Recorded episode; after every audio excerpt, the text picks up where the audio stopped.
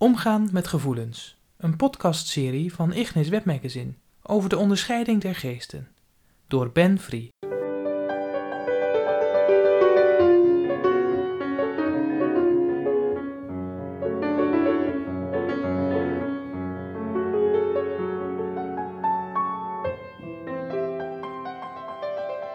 Deel 4. Onverschilligheid en vrijheid.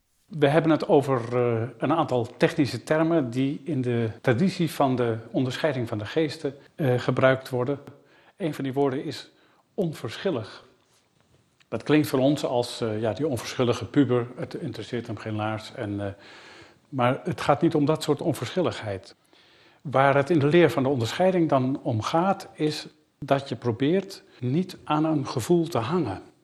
Niet eraan vastgekleefd te zitten, erin geketend te zijn maar er los van te komen, zodat je er als het ware naar kunt kijken en innerlijk onverschillig bent wat het resultaat wordt, waar het heen gaat straks. Als ik bijvoorbeeld moet kiezen uit, zal ik een leven als rijke mens of als een arme mens? Zal ik leven als een gezonde of als een zieke? Als je die keuze al zou hebben, dan een zekere onverschilligheid maakt je vrij. Dan wordt het namelijk niet, niet meer zo belangrijk of ik supergezonde held ben of een zieke. Het is niet meer zo belangrijk of ik nou een rijke mens ben of een arme, want op zich kan ik met alle twee leven. En pas als ik er onverschillig, innerlijk, vrij dus tegenover sta, dan kan ik ook een keuze maken. Daar komen we op een ander trefwoord in die leer van de onderscheiding, het woord kiezen. Je hebt dus heel veel mogelijkheden waar je uit kunt kiezen. Wat trek ik vandaag aan? Waar ga ik heen? Eh, wie zoek ik op? Welke handelingen verricht ik?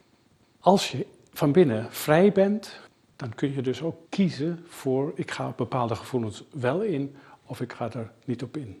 Het is, wordt natuurlijk een probleem als je niet echt goed weet wat je moet kiezen. Het kan je zelfs radeloos maken. Hoe doe ik dat? Hoe los ik dat op?